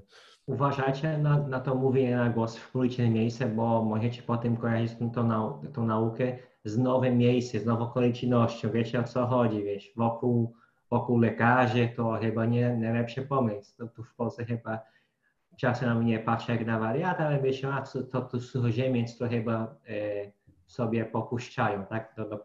Ale nie wiem, jakby podeszli do Polaków, nie? którzy tam na głos gdzieś tam gadają różnych miejscach, bo ćwiczą i przygotują się do egzaminu. Tak, ale pamiętajcie też, że tak jak mówię, że e, czasem to, że nie znacie tego egzaminu, może być, okazać się czymś pozytywnym. Ja tutaj mogę dać przykład z własnego życia. Mój tata zdawał egzamin na studia, ale e, znaczy poszedł na ten egzamin, ale oddał pustą kartkę. I tutaj moja babcia zdradziła, że on miał jakiś tam autostop zaplanowany z jakąś dziewczyną. Ja tam nie wiem, nie, nie wnikam w szczegóły, ale on odłożył ten temat i no i co się okazało, że e, na te studia wtedy, wtedy nie poszedł, ale w międzyczasie poznał moją mamę, prawda? I gdyby mój tata zdał egzamin, poszedł na te studia, to być może by mnie nie było, więc, e, więc no czasem niezdanie egzaminu, tylko że on oczywiście świadomie go nie zdał, bo oddał pustą kartkę, czyli nie było tam stresu za bardzo i nawet jak go tam moja babcia wysyłała, sprawdź tutaj wyniki, on, no, nie ma sensu. Jak to nie ma sensu? Może się dostałeś? On mówi, nie, na pewno się nie dostałem, no bo dałem pustą kartkę, prawda? Więc, e, ale tak jak mówię, że no, świat się nie zawali, więc nie martwcie się. Oczywiście dużo lepiej się przygotować, chociażby po to, żeby nie stracić pieniędzy na, na część egzaminów albo nie stracić czasu, prawda? Jeśli musicie podejść do egzaminu po raz kolejny, to jest no, no, no, szkoda rzeczywiście czasu, jeśli Wam na nim zależy, ale pamiętajcie, że zawsze jest jakieś inne rozwiązanie, zawsze coś może pozytywnego się e, zdarzyć, także, także nie martwcie się, jeśli coś się nie uda, ale myślę, że jak przejdziecie tak w miarę rzetelnie i pilnie przez te pięć kroków, to musicie zdać. To na pewno poradzicie sobie bardzo dobrze i w razie czego pamiętajcie, trzymamy za Was kciuki.